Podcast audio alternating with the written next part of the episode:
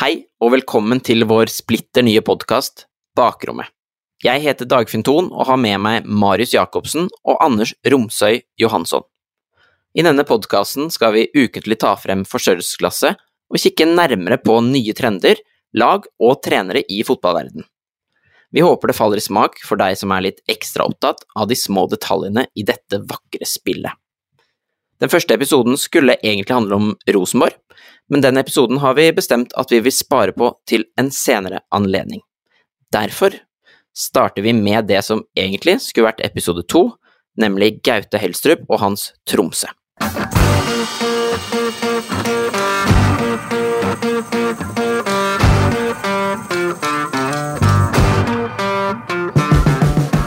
Hei alle sammen og velkommen til Bakrommet. Dette er vår andre episode. Den første handlet om Rosenborgs retur til 4-3 og Svein Målen i sjefsstolen. I dag vender vi blikket nordover mot Nordens Paris, for vi skal snakke om Tromsø. Og eh, Marius, hvorfor har vi valgt Tromsø som tema?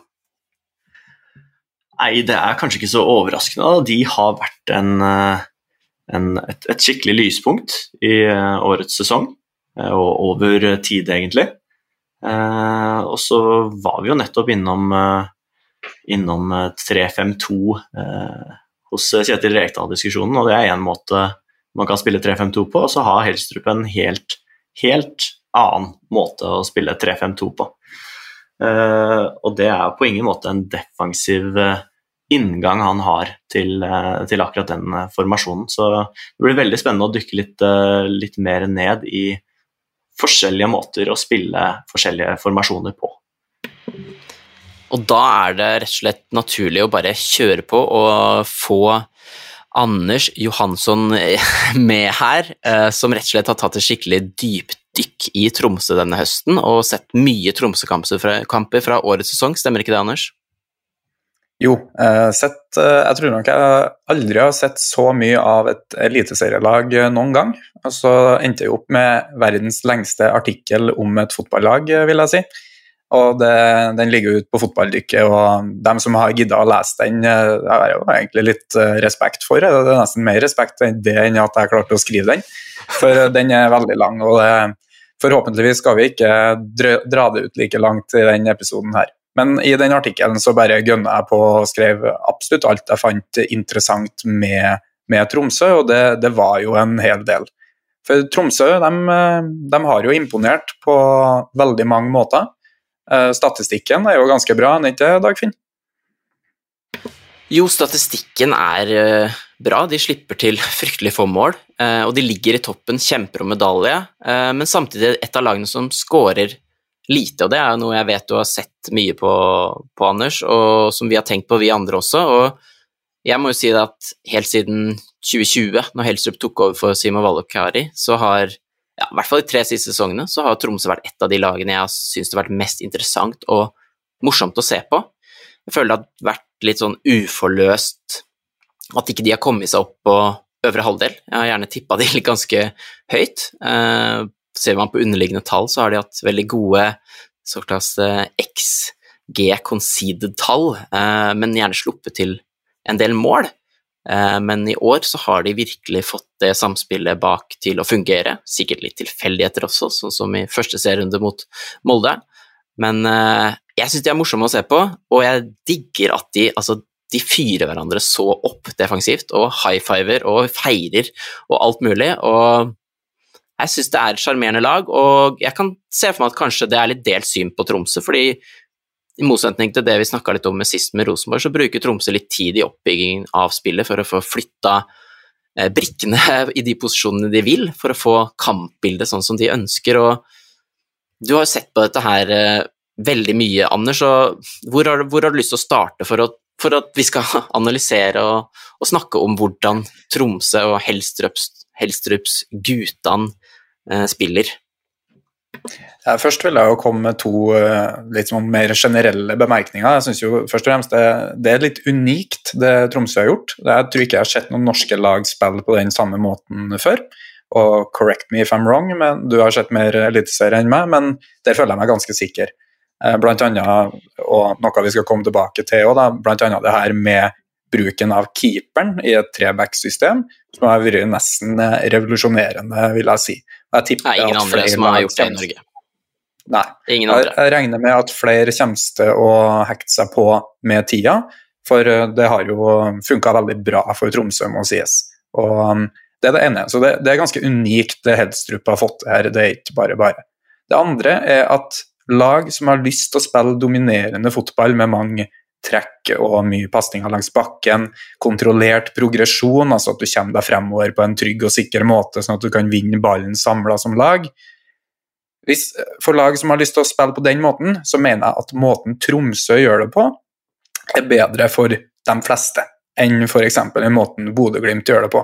Bodø-Glimt kom opp eh, for noen år siden og tok den plassen de nå har i norsk fotball. Har etter det gjort det veldig bra på overgangsmarkedet også, og så hele tida sørga for at de har et veldig bra fotballag med godt spillermateriell.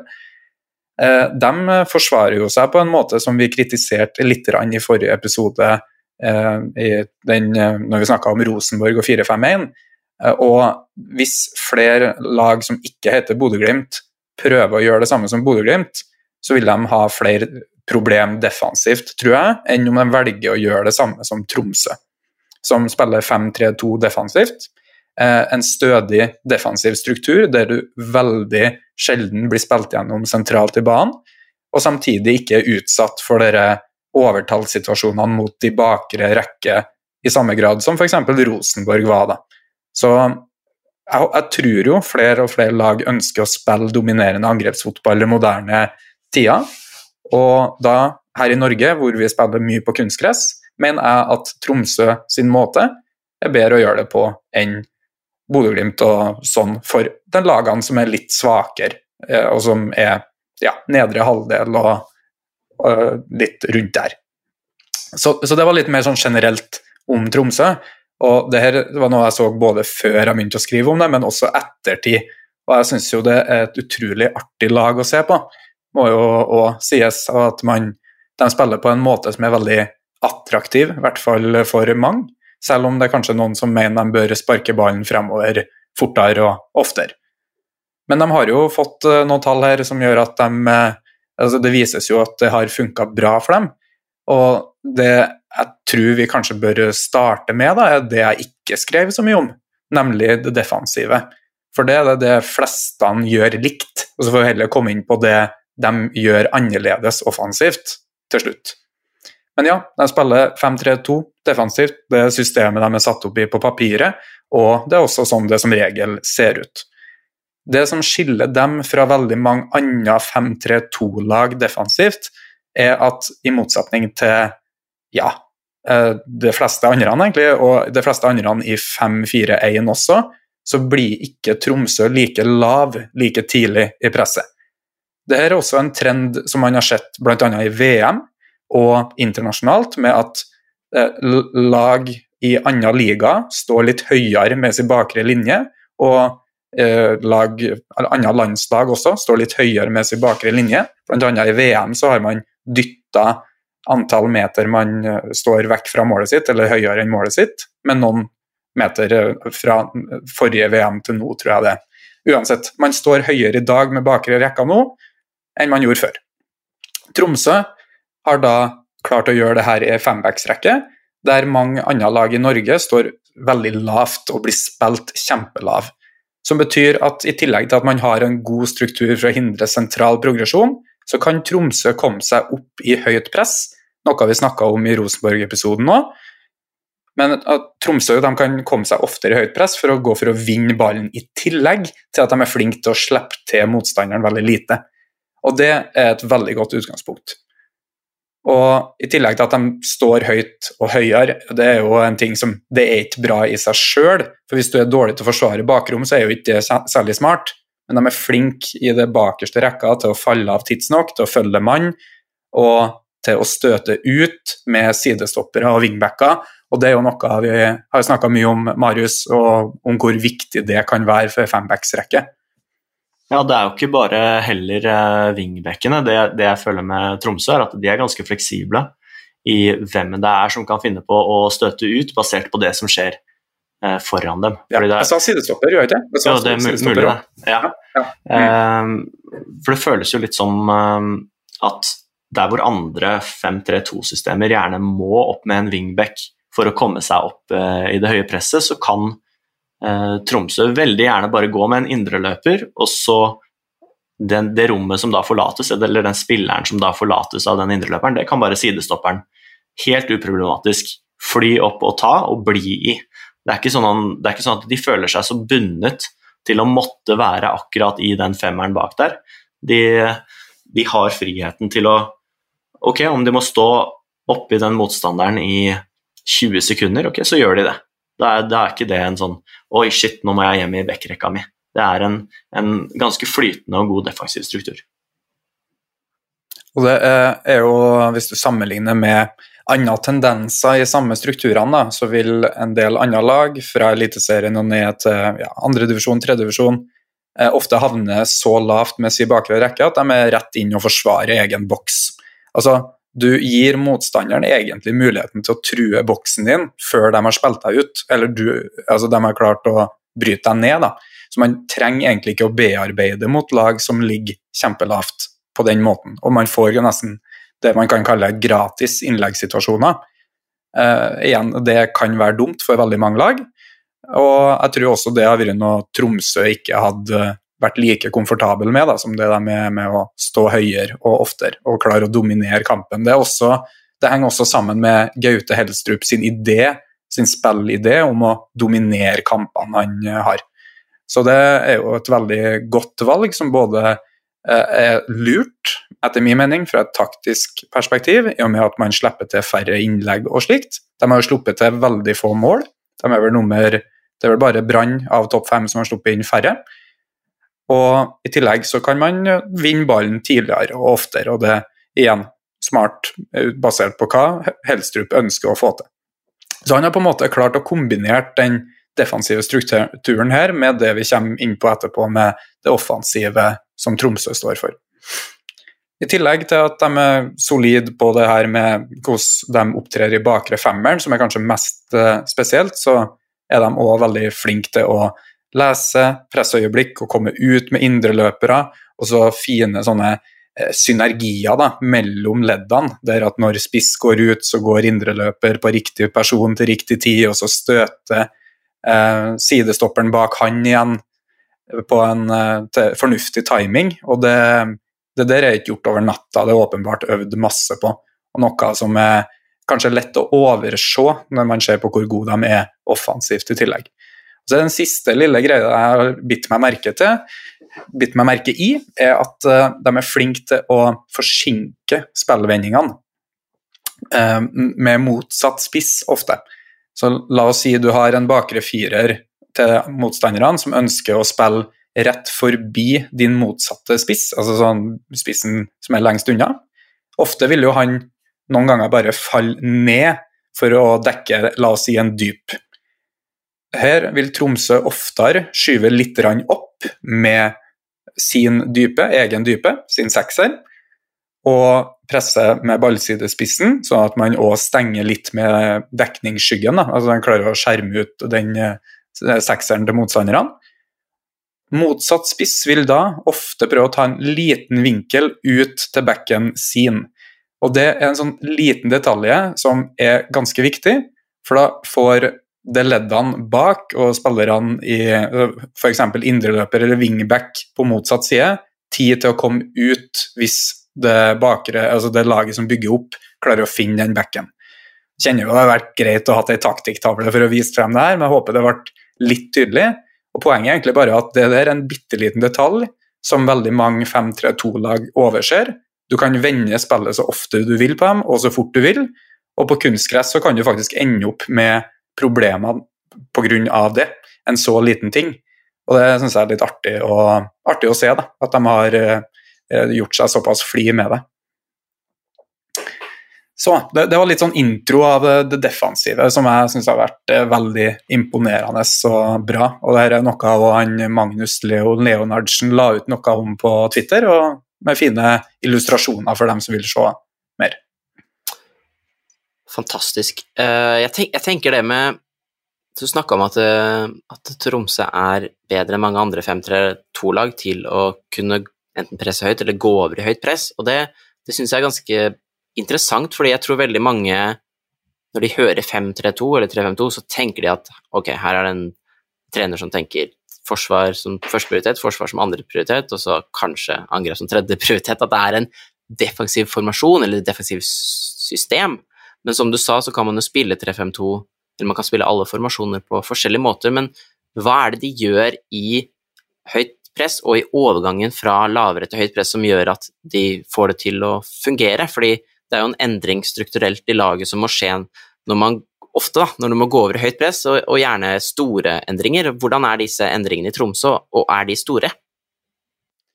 Det spørs litt hvilket motspill de har. Eh, la oss si mot 4-3-3 så går det jo veldig greit. Altså 3-5-2 passer veldig bra til 4-3-3 i og med at det er veldig naturlige, eh, naturlige overganger til mannsmarkering over hele banen.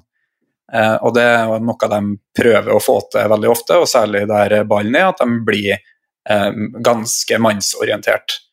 Og så er det noe med når du spiller et mannsorientert presspill, at du kommer opp i mann-mann, at du likevel er flink til å forsvare deg særlig lenger unna ballen, på en måte som gjør at du hjelper resten av laget med å dekke eh, viktigste rommet. Da. La oss si du har fått pressa dem helt ut mot sidelinja på den ene sida. Da trenger du ikke å mannsmarkere tett en spiller på den andre sidelinja, for å ta et ekstremt eksempel. Og sånne ting er Tromsø ganske gode på. Så selv om de har en slags mann-mann-orientering, så er de òg flinke til å justere posisjonene sine lenger unna, sånn at strukturen ikke bare blir helt spredt. For det har vært veldig skummelt de gangene de eventuelt da har mislyktes. Eh, men eh, de gangene de Så, så noen, mot noen formasjoner så er det ganske naturlige eh, signaler og naturlige strukturer som dannes til mann-mann-press. Noen ganger så justerer de mer, f.eks. ved å dytte opp en indreløper tidligere, eller at når spissen på den La oss si den ene spissen går på den ene stopperen i trebacksrekke, så er indreløper på motsatt allerede klar til å gå på den tredje stopperen.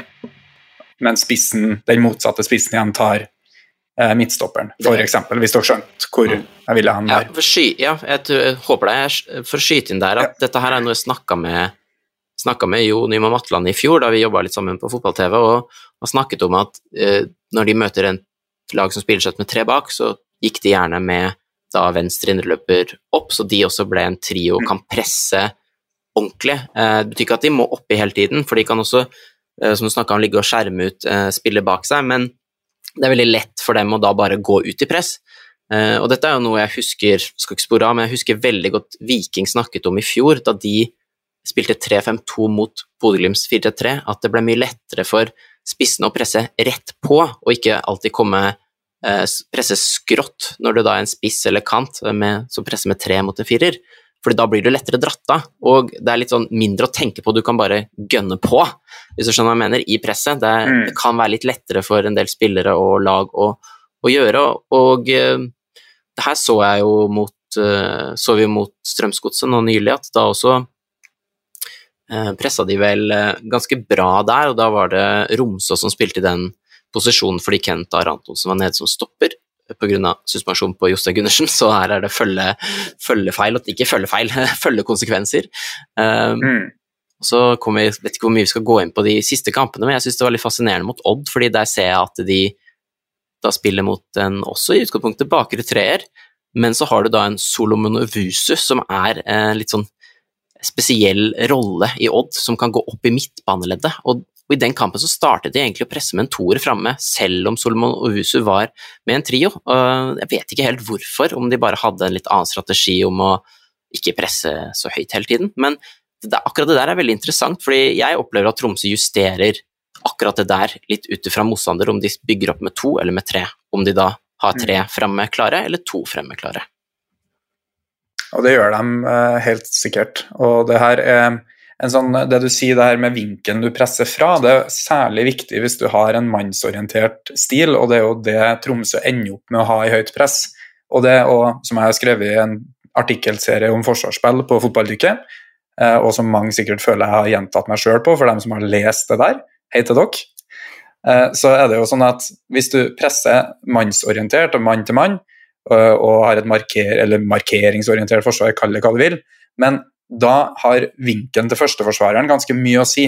For hvis du tar ut en sånn vinkel som gjør at du egentlig bare kan bli dratt av, la oss si du bare presser horisontalt da, i stedet for rett frem, så skal du slite med å eh, hva, hva, gjør du etterpå? For da er én mann dratt av, og resten har mann til mann. Og da har de en ledig spiller som de på en måte kan dra videre nytte av i angrepet. Samtidig så vil jeg også si at det, det er lurt å kjøpe litt tid til han som er bak deg, eller stenge mest mulig av verdifullt uh, rom. da. F.eks. hvis de spiller helt bredt, eller ut til halvrommet eller halfspace, så kan det noen gang være helt fint å presse med en vinkel som leder dem litt videre ut mot sidelinja, i og med at eh, risikoen for at de får sentra inn sentralt er såpass stor, eller at man La oss si man vet at det er stor avstand til nestemann i leddet ditt. At du kanskje presser med en vinkel som gjør at han kan skyve bak deg og få tida til det. La oss si en wingback må presse backen til motstander, det er et godt eksempel. Wingback presser back i en bakre firer til motstander. Da, mot en 4-3-3, la oss si det, så er det sidestopperen som kommer ut for å ta over den ledige kanten bak wingbacken som går i press. Hvis wingbacken da ikke bryr seg noe om den pasningen som kan spilles på utsida, så kan det hende at den pasningen blir spilt for tidlig og for kjapt til at sidestopperen rekker å være der tidsnok. Og da kan du få en stygg én-mot-én-situasjon mot en rettvendt spiller. Jeg har jo gjort litt det samme sjøl, 5-3-2 med mannsorientert press i Ullern. Og det vi det jeg pleier å si til mine wingbacker de gangene jeg gjør det, da, og spiller mot f.eks. den typen motstand, er jo at uh, du bør kjøpe kjøpe uh, neste spiller så mye tid at pasningen eller ved at pasningen enten må komme via en tredjemann, eller at den må løftes, for da rekker du som regel å skyve. Men som du sa først, at man må passe på litt vinkel, det er helt rett. Og at man klarer å presse på en måte som gjør at du ikke blir dratt av. Atalanta, som jeg vet eh, Marius har sett på, de eh, er jo utrolig flinke på det her, med at de går i press på en måte som gjør at de nesten aldri blir dratt av uten at de lager frispark. Det er spennende saker. før vi går over litt på det angrepsspillet som du har sett ekstra mye på, Anders, er det noen flere ting i forsvarsspillet til Tromsø som er greit å få med?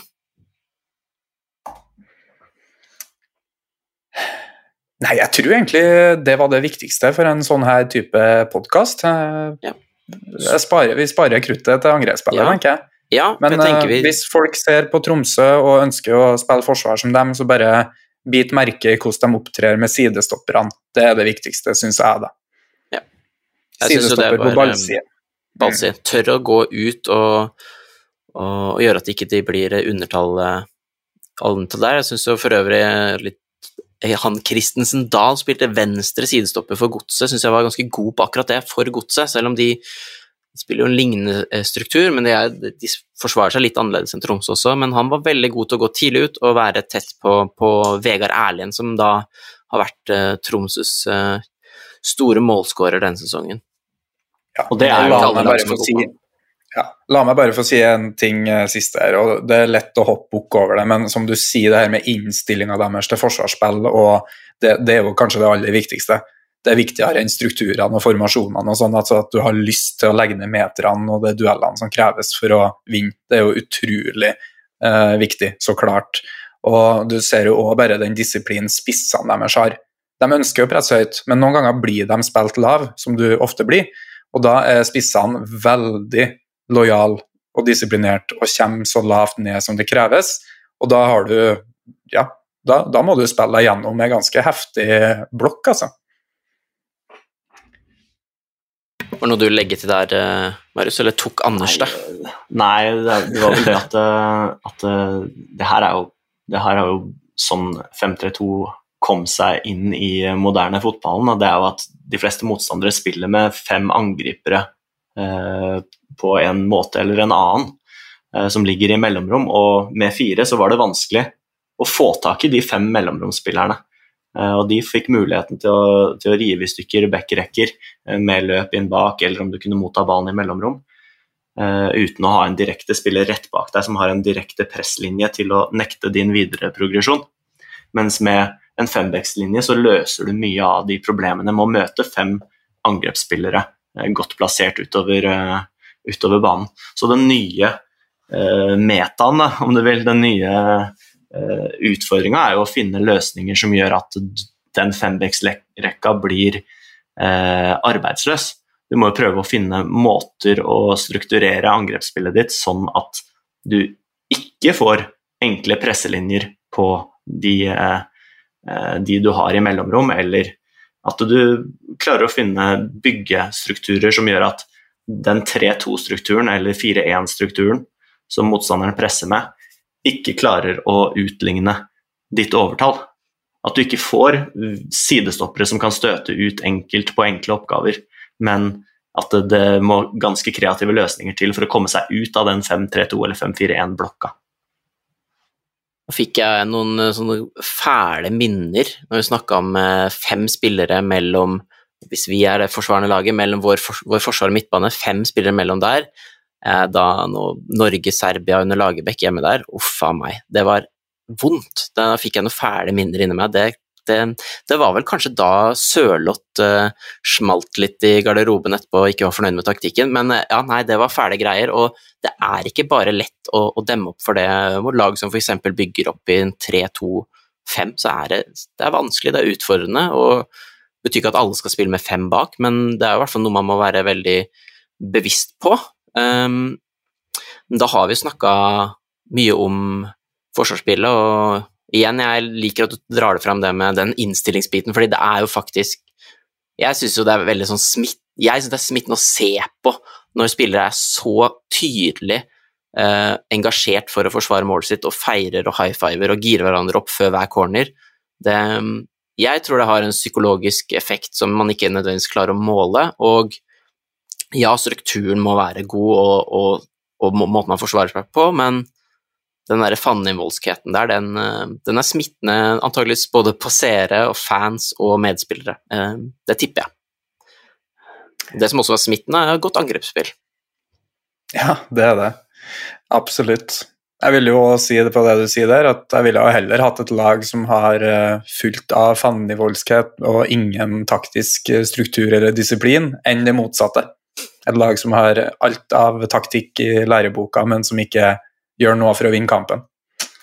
Men ja. Yes, angrepsspill. La oss gå på angrepsspillet. Skal vi, skal vi se på hvordan ja. de bygger opp angrepsspillet? og Da, da må vi nesten starte med danske Jakob Haugård, for han er, ja. um, han er unik i Eliteserien som er selvfølgelig den ligaen jeg følger mest, og det er ingen keepere der som opererer på den måten han opererer på. Og i internasjonal kontekst er det dere som må sette, for jeg får ikke tid til å se så mye internasjonal fotball, rett og slett. Men spennende er det. Her skjer mest tredjedivisjon herrer. altså Får ja, ikke mer internasjonal kontekst der. Nei da. Er det noen som gjør det i tredjedivisjon? I Vindbjart sin avdeling?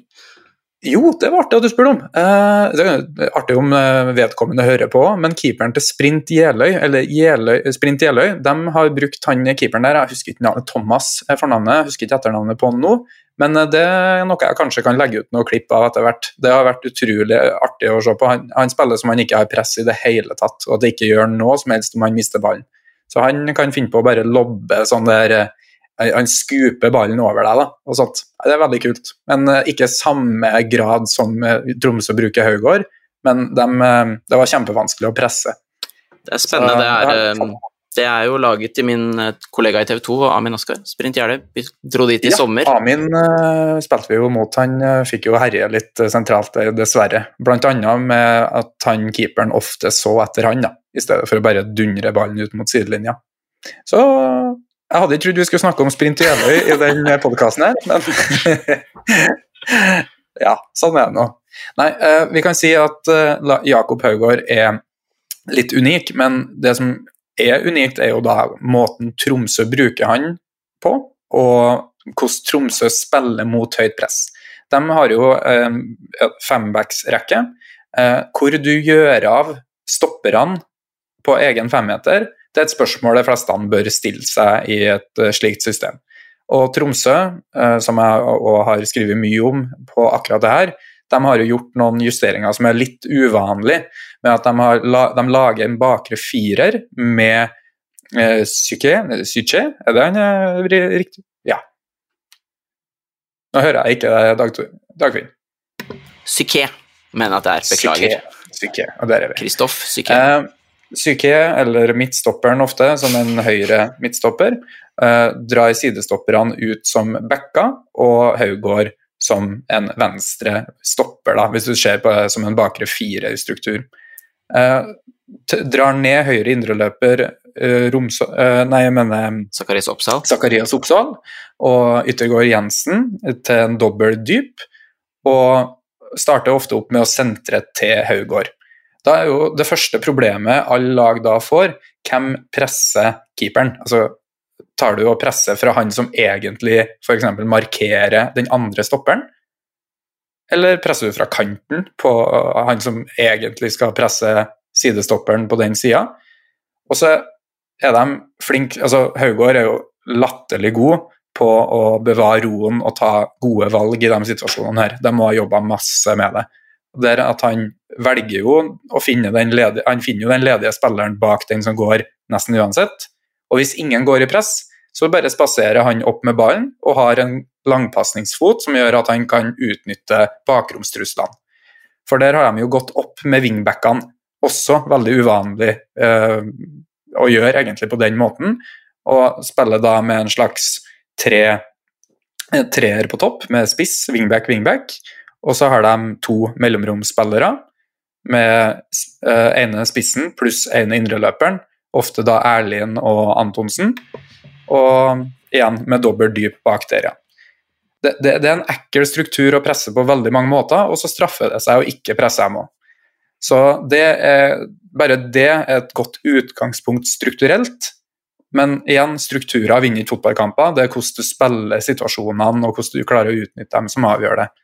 Og hvis noen da hvis de presser f.eks. fra spissen, eller spissen presser han som egentlig har markert eh, stopper, presser Haugård, så er de veldig flinke til å finne den ledige stopperen gjennom en tredjemannspasning. Altså de sentrer opp til Yttergård Jensen eller Oppsal, og så har de en ledig spiller igjen. Og Det som skiller Klinten fra Veten her da, og Tromsø fra resten, er at de er latterlig gode på å ta seg nok tid til å få ei ren oppbygging i de situasjonene her. At de får passert de første presslinjene skikkelig, eller på en måte som gjør at de kan ha videre progresjon i angrepet. Sånn at eh, det er veldig mange som klarer å finne den ledige stopperen gjennom en tredjemannsaksjon, men veldig få lag evner det å velge om skal vi fortsette angrepet her, eller skal vi egentlig bare dytte den tilbake til keeperen igjen og prøve en gang til? Mest sannsynlig med noen meter tjent. Og der, eh, sånn som Rosenborg, særlig i starten under morgenen, sleit veldig med det. Både det å bruke tredjemannsaksjoner og det som skjedde etterpå. Men Tromsø klarer å gjøre det her på en måte som gjør at de ender opp med å enten finne ledige spillere eh, mellom forsvarslinjene og kunne fortsette angrepet fra der, med raske, nesten kontringsaktige angrep, eller tvinge motstanderne ned i lavt press og flytte seg sammen som et lag. Så det er egentlig mm, det de gjør imot eh, høyt, og de gjør det veldig bra. Og det her balansen mellom korte pasninger for å finne den ledige spilleren, sirkulere videre, og det å bare dundre den i bakrom fra Haugård, helt strålende. Og et, eh, det, det, er jo et skikkelig, hode, et skikkelig hodebry for de fleste lag som møter dem, vil jeg tro. Jeg vil jo bare skyte inn da, at det eh, som kanskje imponerer meg mest med den strukturen, er den planleggingen som man ser som kommer eh, i fasene rett etterpå. Det at eh, Tromsø fra denne eh, strukturen hvor keeperen er involvert i det som blir en bakre firer, eh, er satt opp så godt at ok, du har en venstrefota spiller i den posisjonen som keeper, på venstre siden.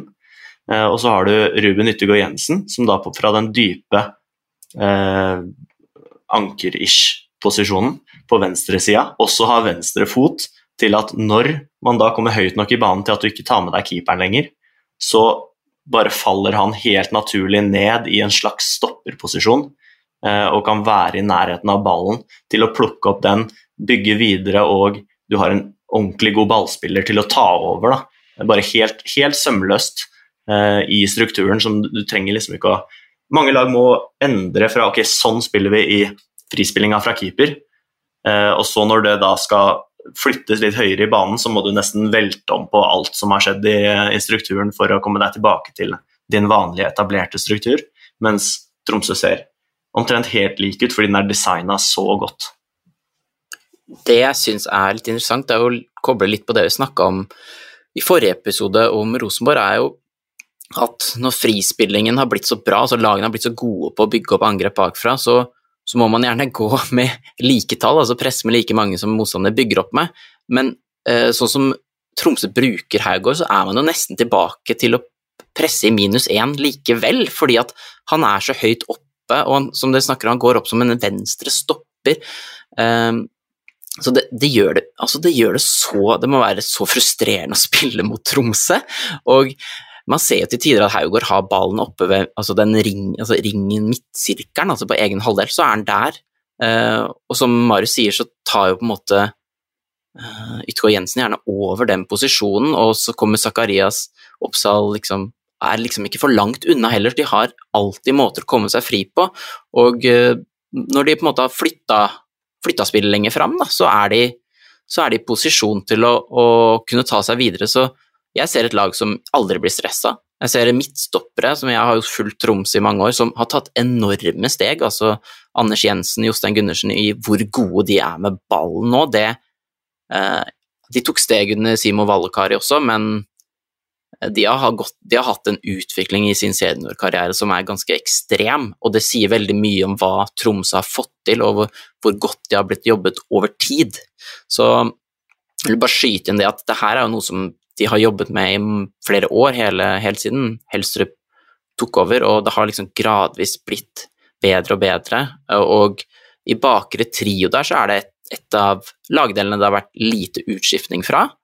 Og de hadde også da Jakob Karlstrøm, som er i Molde, som en keeper som også var veldig god med ball, men de hadde tatt det til et enda hva skal vi si, et enda større ytterpunkt nå, da, med danske Jakob eh, Haugård. Så ja, nei, det er kjempespennende. Ehm, hva videre i angrepsspillet nå, Anders, når de har kommet seg ja, skal vi si, forbi det første presselinja til motstanderen og kommet høyere i banen, eh, hva ønsker de å få til videre i angrepet. Altså, hvis de kan fortsette rett inn i bakrom, så gjør de jo ofte det. Og det er jo noe de også er bra på når muligheten byr seg. Så jeg tenker jo det neste steget i diskusjonen blir på en måte hva gjør de de gangene de spiller mot et lavere press. Eh, for um, de klarer enten å få spilt mot et lavere press, eller så bare utnytter de et mellomrom eller et bakrom fra det det situasjonen de hadde da mot et uh, høyt. Og det som er litt sånn Det som gjør Tromsø til et veldig bra angrepslag generelt, er både mot høyt og mot lavere, så klarer du ikke å ta alle alternativene de har laga for seg sjøl, helt perfekt. Og det er bra angrepsspill. Hvis du klarer å bruke alle elleve spillerne på banen til å ha en funksjon som gjør at motstanderen ikke kan bare ta ut én ting, og så er de sett, da har du gjort noe riktig. Du har en del lag som f.eks. er kjempegode på å slå innlegg og score på det. Tar du vekk innleggene, så har de ingenting å spille på. Du har lag som kan kombinere seg sentralt og er veldig gode på det. Du stenger sentralt og tvinger dem til å slå innlegg, og så har de ingenting.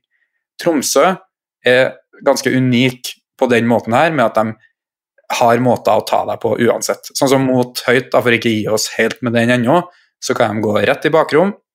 Vi har også sett kamper der de har gått Eh, på en feilvendt spiss, eller gått, slått den høyt opp i en situasjon der de fighter for andre ball, og med sine to indreløpere er godt posisjonert til å klare å vinne andre ball, og så bare er de i en fin situasjon, selv om det var med mindre grad av kontroll. Hvis de motstanderne presser med kanten på keeperen eller på midtstopperen, så bare spiller de ballen bredt. Hvis de smaler inn, så spiller de direkte bredt. Og så lar du en spiller være ledig sentralt, så spiller de bare inn til det. Det, er nesten perfekt, da, må man si. Og ja. Du er på mute. Uh... Unnskyld igjen, altså. Eh, en ting vi må innpå, eh, er jo Altså, nå skal vi tilbake, gutter. Skal jeg ta dere tilbake til 2008? TV 2 dro på Nadderud og tok bind for øynene på Daniel Nanskog og Veiga Pall Gunnarsson for å se hvor sinnssykt godt de var samspilt. Og eh, hva hadde skjedd hvis man hadde tatt bind for øya på Ruben Ytgaard Jensen og Zakarias Oppsal, eh, gutter? Det, det er to gutter som liker å leke med ball sammen. Vil du begynne, Marius, eller skal jeg bare Ja, jeg kan jo begynne med en liten hyllest. da. Jeg syns jo, det, synes jo ja. det er veldig gøy eh, å se dem spille fotball, og veldig eh, Etter min ånd, i hvert fall, som en eh, tidligere futsal-spiller. Eh, det å kunne tørre å spille på så små marginer som ikke egentlig føles noe truende, men de tør liksom å ta på seg press så nære. Eh, motta med såla, dra på seg, spille en vegg. Og, grunnen er at de har såpass gode relasjoner og korte avstander til hverandre til enhver tid. At du får gode ballspillere i nærheten av ballen, og så bruker du hverandre til å, til å passere og lete etter neste steg på, på stigen. Og det er ja, ikke så veldig mye mer å si enn det at jeg, jeg syns det er gøy. Og det er jo først og fremst det fotball skal være. Ja, absolutt. Du har jo vært på landslaget i futsal, har du ikke det òg, da? Jo, takk for at du spiller inn det. Bare hyggelig. Ja, nei, det her, de er jo um, fantastisk gode sammen. og det, det, er godt mulig de kunne ha funnet hverandre blinde og det hele, men det er bare Det, det er en um, duo som uh, bare over tid har blitt bedre og bedre, syns jeg. Og det viser jo litt hva uh, det her med å spille sammen over tid kan gjøre. da og nå sitter vi jo nå her og har en slags taktikkpodkast, og vi eh, snakker mye om eh, taktikk i dagens fotball. Det er veldig mange som viser mye på taktikkbrett og på skjermer og prater mye. På en måte som gjør at man kanskje glemmer òg spillernes betydning for det man etter hvert kaller for taktikk. For dem her to guttene har jo egen rå, altså ved egen hånd tatt og fått Tromsø inn i mellomrom utallige ganger i løpet av sesongen, f.eks., eller bakrom for den del. Og bare måten de spiller sammen på å løse situasjoner, er vel så viktig som måten Tromsø strukturerer seg på en femmeter. Igjen, så Jeg kommer sikkert til å gjenta det poenget her utallige ganger i den podkasten, men ikke glem spillerne og spillernes kvaliteter og det de kan få til med ballen. For det varierer fra spiller til spiller, og for Yttergård Jensen og Oppsal så er det, det er helt uh, unikt, nesten, hvordan de har klart å finne tonen.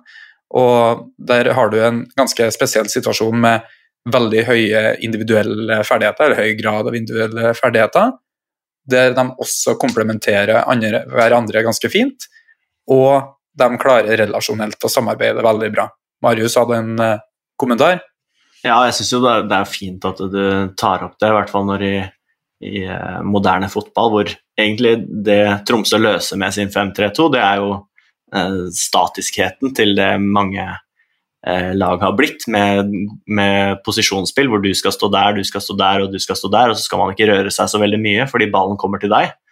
Um, mens den mannsorienterte stilen og 5-3-2-varianten som Tromsø og flere andre har adoptert uh, i nyere tid, den, den, stiller jo spørsmålstegn ved den filosofien. Uh, at ok, skal du stå der, så kommer jeg til å være her, og, da, og det er ikke noe mer enn det er ikke noe mer tid til deg hvis du blir stående i dette rommet, men med sånn som Tromsø setter opp, og sånn som de to gutta opererer sammen, så, så hjelper det ikke eh, å bare eh, markere deg ut, fordi du, du kommer å, de kommer til å flytte seg på så smarte måter. Eh, og de kommer til å kombinere på så smarte måter og finne de alternativene på små flater. At, eh, at du, liksom, du, du rakner det systemet som de selv også gir et prøver å stille spørsmålstegn ved. Da. Mm. da Det her er ufattelig interessant, og jeg får noen sånne gode minner eh, når vi snakker nå. Det første er liksom Haugård og Oppsal, som er utrolig gode til å bruke såla. Det minner meg om en sånn inneturnering jeg har hatt eh, en eller annen gang med et eller annet lag, der vi liksom bare spilte til keeperen, tok opp med hendene, og vi leda sikkert, da. Venta bare til det kom press, og så spilte man til den forspilleren som var ledig, og så var det bare å kjøre på, for da er man en mann mer til å angripe. Og, og, de klarer å gjøre det over eh, mange steder på banen, og så finner de gode løsninger gjennom god struktur og gode spillere og gode relasjonelle Ja, altså gode relasjoner. Så det er det ene. Det andre eh, er at nå må vi snart begynne å tenke litt på hva, litt sånn framover. Eh, hva, hva, kan utviklingen videre være? Og jeg vil starte med, Marius, at du og jeg vi var jo så Rosenborg-Tromsø på Lerkendal i fjor. Eh, er det, er det, noen av de signeringene eller endringene i laget i år som du har liksom bitt deg merke i, som kan være en grunn til at de har tatt et lite steg til i år? Ja, absolutt. Vi satt jo der, og så Det var jo Kjetil Rekdals RBK da, i sin 3-5-2-3-4-3, eh, hvor de gjerne gikk opp mann, mann og høyt i presset på, eh, på Tromsø. Eh, og Tromsø sleit jo, og det er klart det er vanskeligere å få til det de ønsker å gjøre på gress på Lerkendal en sein høstkveld enn det det er å få det til på et vanna kunstgress. Men det vi beit oss litt merke til der, det var jo at skal du faktisk komme deg ut fra et såpass knallhardt eh, markeringspress, så må du også ha et oppspillspunkt. Eh, og det sleit de jo med i den kampen. De hadde ikke store karen som eh, eh skulle operere feilvendt oppe på topp der. Eh, han eh, er vel i Sverige nå, om jeg ikke tar feil. Men, det stemmer. August Mikkelsen. Ja. Men uh, den signeringen de da gjør i Er det i sommer de signerer Nordås? Nå gikk du på mute igjen. Da går han i en eh, byttehandel med Daniel Bassi, som vi antageligvis kommer til å tørste så vidt innom etterpå, men det, det var en byttehandel da i sommer, så han er permanent i Tromsø, hvis jeg ikke har eh, misforstått. Mm. Og den signeringen, den uh, vil jeg jo si legger til et et uh, viktig element i uh, frispillingen deres. For det er jo på en måte den, den, siste lille brikken som skulle til for at de uh, De hadde alle de truslene da, som Anders prater om, at de har et quote unquote perfekt oppsett for å kunne straffe deg på forskjellige måter. og det, De sleit med å kunne straffe deg i fjor. Fordi akkurat det alternativet med å bare slå opp feilvendt på en spiss som kan legge igjen på et, et støttende løp i etterkant, det, det hadde de ikke. Um, men nå, så, så med den signeringa, så begynner det å, å, ta form, det vil jeg si. Ja, um, og nå i dagens Tromsø, uh, hvordan Hvis du hadde møtt dem, uh, Anders, altså hvordan ville du tenkt da? Fordi du snakka jo om det i tidligere episoden, at uh, det er vanskelig å presse dem og få til noe, men du kan fortsatt heller ikke det blir vanskelig å bare legge seg også. Uh, lavt hele tida. Altså, hvilken inngang skal man ha, ha mot Tromsø for å få, få, til en god kamp og ha mulighet til å vinne? Ja, jeg, jeg ville nok ha Det avhenger litt av hvilket lag du har, eh, så klart. Men jeg ville nok ha prøvd å stått en del høyt på dem.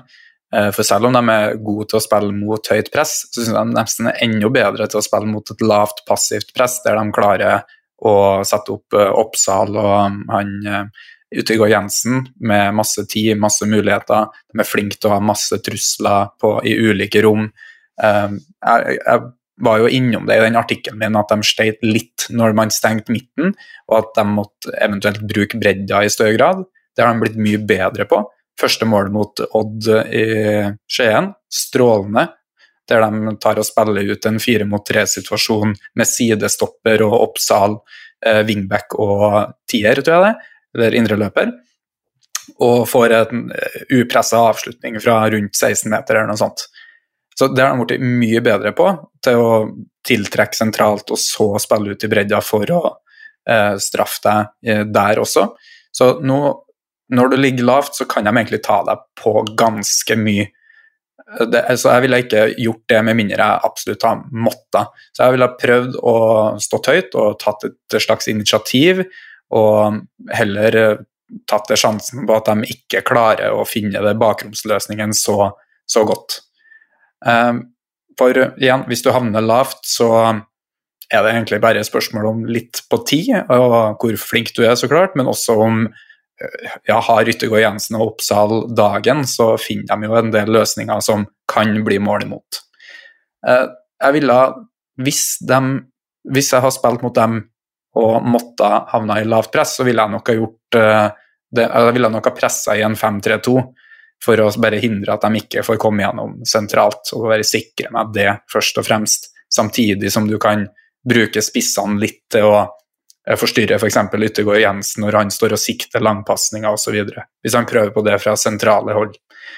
Så um, det er nok det jeg ville ha gjort sånn kort oppsummert, men igjen det avhenger jo litt av hvilke, hvilket lag du har. Absolutt.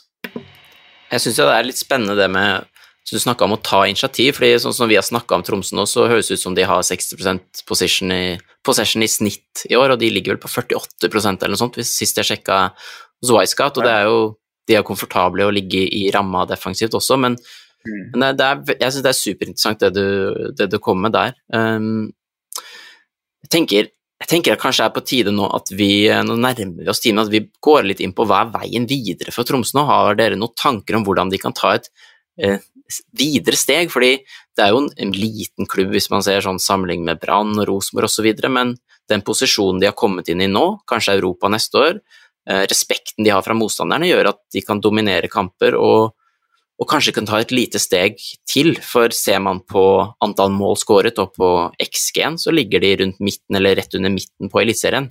Eh, er det hva, hva, er liksom veien videre for å ta et enda et uh, nytt steg, Marius? Tenker du? Nei, det, det, første jeg tenker, det er jo uh, litt på hvilke profiler de benytter seg av i eh, angrepsspillet sitt. Så, som du sier, så uh, Ok, de, de skårer jo ikke så mye mål, selv om de til en stor grad spiller seg ganske clean igjennom til gode sjanser. Uh, og kommer seg til gode muligheter med gode forutsetninger for å skape mye. Uh, så ender de ikke opp med så høy XG eller så høy så høyt målskåringssnitt. Um, og hvis man ser på liksom, topplagene i Europa, hvis du ser på topplagene også i Norge, uh, så er det lag som spiller med i utgangspunktet firebacksrekker nå. Og det jeg tror mye av grunnen til det er, det er jo at, uh, at profilene du kan få plass til i en elver, i en angrepsrekke med fem mann, de er det lettere å få høy individuell angrepskvalitet på i et eh, 4-3-3 eller 4-4-2 eller hva enn det skulle være, et firebacksystem hvor du har dedikerte kanter som ikke da har en wingback-profil. Wingback-profilene er ofte høyrebeint på høyresida, venstrebeint på venstresida og er gode begge veier, men har kanskje ikke den ekstra X-faktoren som du trenger for å bryte ned lave blokker Eh, og som du trenger for å skape og avslutte gode, gode angrep. Så det hadde vært interessant å se på hvor mange situasjoner de får ute på en wingback i gode situasjoner, gode én-mot-én-situasjoner, eh, med masse tid til å utføre noe, og hvor effektive de er eh, kontra eh, effektiviteten til kantene til jeg vet ikke, Brann og eh, Bodø-Glimt og, og, gjengen i, eh, på siste tredjedel. Eh, fordi Hvis du alltid skal ende opp med en wingback som den avsluttende spilleren din, som ikke har eh, gjennom hele livet sitt nødvendigvis vært i så mange av de situasjonene, så mangler du fort to viktige angrepsbrikker om du skal være det aller beste laget i landet. Ja, Det der syns jeg er ekstremt spennende, fordi Daniel Bassi, som spilte venstre wingback tidligere i år, han er en venstreving med høyrefot som er god til å drible, og skåra noen mål. Og det er jo noe som ville bryte opp mønsteret, for da, ja, du har en høyrebeint høyre eh, men da har du liksom én spiller til som kan på en måte utfordre og være en trussel, fordi eh, med Kent Are Antonsen som den venstre indreløperen i den defensive rammen, og sånn venstre tier, om man skal kalle det det, offensivt, han er ikke veldig målfarlig. Han slår gode innlegg eh, en gang iblant og tar noen dødballer, men han har én scoring i år, veldig lav XG, og da er det liksom spissen, og ikke minst Erlien, som er de som skårer mål, og så kommer Vestlund der, skårer en gang iblant, det er inne i boksen på dødballer også, men det mangler den siste, føler jeg, for at de kan ta det neste steget. Og eh, når man ser på hvordan type fordeler man kan skape seg, så er det jo man kan skape to mot én, man kan ha altså, relasjonelle ferdigheter som Ytgård Jensen og Oppsal som gjør at de de skaper gode situasjoner uansett om de er to mot to eller tre mot to, men for veldig mange lag, og på alle nivåer, inkludert lag jeg har trent, så har jeg tenkt at ok, får jeg satt opp han gode dribleren min én mot én, så er det en kjempefordel. Det er jo nesten sånn to mot én. Eh, og jeg føler sånn som de spiller nå, med Paintsil eller Dioff på venstre wingback og Vestlund, så har ikke de den spilleren én mot én som gjør at det holder å flytte F.eks. spille, som dere snakka om, mange pasninger på én side og så vende. Eh, tvinge motstanderen over, og så få én mot én. Jeg føler ikke det nødvendigvis skaper Det skaper jo en god situasjon, men de får ikke kapitalisert på det maks, sånn som det er nå. Og så er spørsmålet er det verdt å begynne å tukle med det? Mister de den defensive ramma, mister de det som gjør Tromsø gode, eller er det noe de kan se på? Eh, og da er jo spørsmålet skal man se på det i en struktur som de spiller nå, eller skal man gå så drastisk til veit at man nesten tør å endre litt på strukturen. Det er jo litt stort tema, dette her, men hva, hvilke, hvilke, muligheter har de her? For de må jo også ha spillerne til å kunne gjøre det, og, og akkurat nå så har de kanskje ikke den eh, vingbekken som kan drible, drible innover. fordi som Anders, det er jo Når du dribler innover, så har du litt andre alternativer med ball enn du har hvis du da har eh, er eh, utover du drar innover, men med på en måte, jeg holdt på å si feil fot. Eh, det tar vekk en del alternativer, gjør det ikke det? Ja, Hvis du drar innover med venstrebein på venstresida, tenkte du? Ja, at det er annerledes ja, ja, i forhold til å kunne skudd, stikker ja. osv. Ja, det blir det, Først og fremst er det veldig unaturlig for en uh, spiller som spiller på den samme sida som godfoten er på, å gjøre det i det hele tatt. Det handler litt, altså, Man spiller jo ofte på instinkt og det man kaller affordanse, Og man har egentlig ikke så mye man klarer å gjøre fra den posisjonen innover i banen uansett, at det er veldig få som velger å gjøre det. Så det er jo det ene. Det andre er at du har helt rett. altså Har man et høyre bein og drar inn fra venstresida, så er man jo eh, hele tida i en posisjon der man kan skjerme ballen eh, fra backen som presser, som jo er en stor fordel, som gjør det vanskeligere å ta fra deg ballen også. Eh, du kan komme inn i mellomrommet og samtidig ha nesten alle mulighetene åpne. Det er jo fra her f.eks. Messi er best, og på sitt beste var aller best i hele verden, og er jo det fremdeles, eh, etter manges mening. Eh, der at han drar seg inn fra høyresida mot venstrebeinet. Og det er klart du har mange flere muligheter til å spille ballen fremover i banen. Du, hadde han vært høyrebeint og gjort det samme Messi, da, så hadde han jo egentlig ikke hatt så mange alternativer fremover, med mindre man dribler seg helt forbi han som presser han. Så eh, det, det er en spennende ting å ha eh, høyrebeint wingback på venstresida f.eks., for, eksempel, for du kan da ha enda en vei inn i mellomrommet. I tillegg til altså, Du kan både finne mellomromsspillerne direkte, du har Yttergård Jensen og Oppsal som både kan drible, spille i bakrom og kombinere seg frem til mellomrom, og du har muligheten til å komme deg inn i mellomrom via en wingback som bare dribler inn. Og um, det å utnytte dribleferdighetene i et lag, det, det kan være et uh, våpen vel så mye i oppbygginga som i det å skape sjanser. Ja, jeg syns det er en veldig spennende, spennende ting. Og det er liksom, å, hvis man drar det ned litt, det her, da, så er jo det å ha ballen, klare å få ballen inn sentralt i mellomrommet, er jo et farligere rom enn å ha den eh, helt ut på siden. Altså, vi heter jo bakrommet. Det er jo den prioritet én. Er det ledig, mulig å spille en spiller i bakrommet rett igjennom alene keeper, eh, da gjør man det. Men det er jo ikke alltid det. Det er jo det motstanderne vil ta vekk, og så vil de kanskje ta vekk mellomrom sentralt, eh, og så siden etter hvert. Altså, så det er jo liksom Det er jo en tanke her, da. og, og en artig greie inn mot vår, vårt podkastnavn, da. Mm.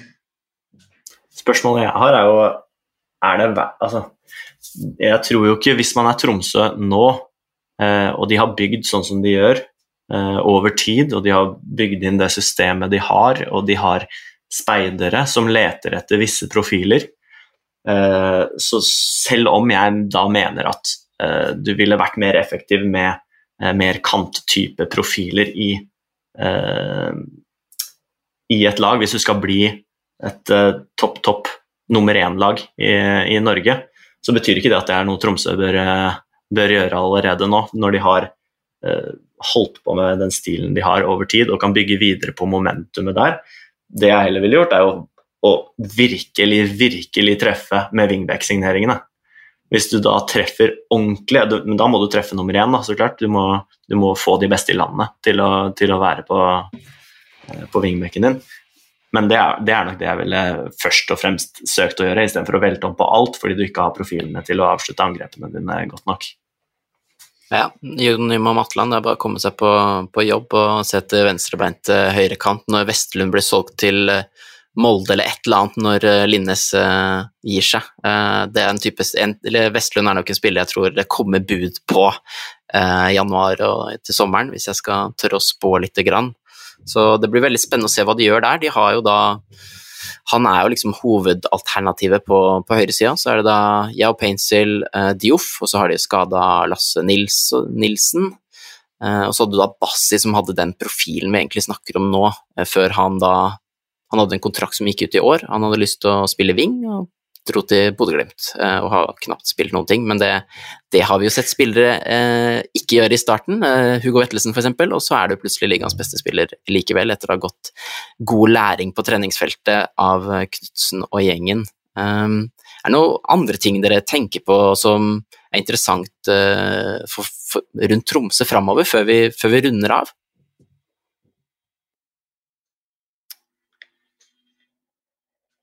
Altså, nei, jeg vil jo si at uh, det med å um, fortsette med det samme altså det jo, Man kan jo sitte og snakke om hva man bør endre eller justere på, og sånt, men veldig mange trenere ser jeg for meg ville ha hatt godt av, og forhåpentligvis er det noen som kanskje ønsker det også, med å bare fortsette i samme sporet med samme spillerne enda lenger. For det utviklinga Tromsø har hatt, og bare uh, hvordan stopperne nå altså kontra tidligere i sesongen, i starten av sesongen.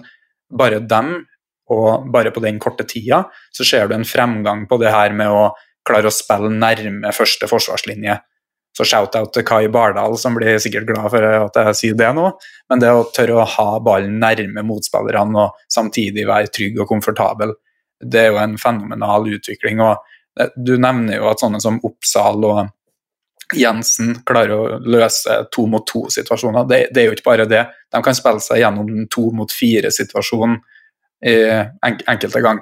Så det at man får det her tida på seg, det, det tror jeg er vel så viktig som å prøve å justere eller endre eller gjøre drastiske endringer, i hvert fall. Ja, så, det, det syns jeg det er veldig logisk, og man man tid Har man en god plan og jobber sammen over tid, så blir man litt og litt bedre. og Jeg det tro, jeg er veldig sånn svak for å se sånne spillere som er litt sånn godt oppe i alder der folk tenker at nei, han kan ikke bli noe bedre. Og så ser du bare, når du jobber med et godt team, godt la, god trener, og ser sånn type Jostein Gundersen og Anders Jensen og de gutta der som Ja, da kan i hvert fall Anders Jensen liksom være en middels slash dårlig stopper som nå fungerer veldig bra i det systemet her, og, og, de tar steg, og så har du den relasjonen og tryggheten med hverandre som man kan se med Oppsal og Jensen, som er utvikla de siste tre årene. De var gode i 2021, altså, men det er, eh, det er utrolig kult hva kontinuitet og eh, gode trenere og motiverte spillere kan, kan gjøre uten at de nødvendigvis har blitt forsterka. For ja, vi kan jo snakke om at de har fått inn han sterke, raske, atletiske spissen, men altså August Mikkelsen og Erik Dolano var fabelaktig for Tromsø i fjor, og folk tippa dem lenger ned i år nettopp på grunn av dem. Men de har vist at de er så gode til å utvikle seg at de likevel blir bedre, og de klarer å treffe ganske bra på signeringer i tillegg som de får inn i sitt system, og som gradvis da blir bedre jo mer de får vært i Tromsø i Tromsø. Gautes Tromsø. Absolutt. Og med en eh, spillerkarriere som ikke tok av helt, og etter å ha jobba seks år i breddefotballen, så vil jeg bare passe på at vi ikke sier at uh, stopperne er dårlige når de spiller eliteserie eller uh, Obos-liga eller noe som helst, for det er sabla vanskelig å komme dit, altså. Så um. Ja, da ment, ja, nei, jeg skjønner, takk. Det var bra du sa det. Uh, fall, det, har vært det er i hvert fall gøy å se det, at spillere utvikler seg. Altså gode spillere blir enda bedre. Uh, Absolutt. Oppe i 20-åra, det er utrolig gøy. Solomon Uvusu Odd. Altså, det er så mange gode eksempler, uh, og det gjør meg glad. Sånne mm. spillere. Ja, det er jeg helt enig i. Det er gøy. Da er det mm. på tide å runde av, eller gutta? Ja, jeg tror det. Og hvis det ble for lite Tromsø i dag på det, så er det en mastergrad eh, lang artikkel som ligger ut om bare oppbyggende, oppbyggende spillet deres. Så bare gå inn og lese hvis du orker. Så det, det skal ikke stå på stoffet, i hvert fall. Nei, jeg leste den. Prøvd, det tok, prøvd, tok bare en tre-fire måneder å komme seg gjennom. ja, Trengte noen forsøk, si. ja, ja. ja fantastisk. Da håper jeg folk har uh, hatt en god lytt. Dette er en sånn type podkast der jeg uh, sjøl uh, husker jo en del kurs jeg har hatt, om det har vært fotball eller andre ting, er bruk pauseknappen, Dagfinn. Trykk pause, gjør notater, søk opp uh, halfspace hvis du trenger det, osv., og så trykk videre og hør videre. Uh, så det kommer an på hvor man, hvor man, er og hva man vil ha ut av poden, men, men og så har jo Anders enda mer som han har skrevet enda mer, altså gang det her med 20. Så infoen er der, og så håper jeg at dere lyttere har lyst til å høre videre. Vi, vi kommer tilbake om uh, kort tid, vi. Uh, trykk gjerne abonner der du hører podkast, og følg oss på uh, Twitter. Den Twitter-handelen vår den tok jeg på slutten av episoden i fjor, i fjor forrige uke, så den, den, kan dere sjekke der. Og så tror jeg nok vi skal få laget en egen Twitter-konto for denne, denne nyoppstarta podkasten, og da er jula i gang, vet du. Men da runder vi av. Eh, tusen takk for en utrolig hyggelig prat, og dæven så gøy det er å høre på, på dere prate om, eh, prate om, dette her. Takk for det. For det. Takk for det. Vi snakkes neste yes. uke.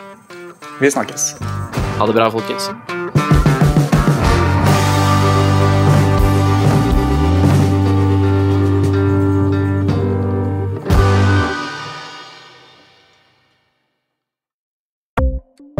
Ukens annonsør er HelloFresh. HelloFresh er verdens ledende matkasseleverandør og kan være redningen i en travel hverdag. Mange av oss har nok vandret i butikken både sultne og uten en plan for middagen, som ender med at vi går for de samme kjedelige rettene gang på gang. Middag burde være dagens høydepunkt. Som HelloFresh kan du nå velge mellom 25 ulike retter hver eneste uke, eller få HelloFresh til å sette sammen menyen for deg. Dette gir deg muligheten til å prøve nye og spennende retter alene eller sammen med familien. Du velger antall porsjoner og får alt levert på døren på et tidspunkt som passer for deg. Oppskriftene er enkle, og maten er lett å lage både for store og for små. Ved å få alt levert hjem får du også mer tid til å dele matgleden med familie og venner. Kanskje det frister med asiatiske tacos eller greskinspirert kylling? Da kan jeg anbefale deg om å gå inn på hellofresh.no. Her kan du bruke koden FOTBALL og få opptil 1779 kroner i rabatt på de første fem matkastene hvis du ikke har prøvd Hello Fresh tidligere. Du kan også bruke rabatten hvis du har vært kunde og stoppet abonnementet ditt for tolv måneder siden eller lengre. Gå inn på hellofresh.no og bruk koden FOTBALL.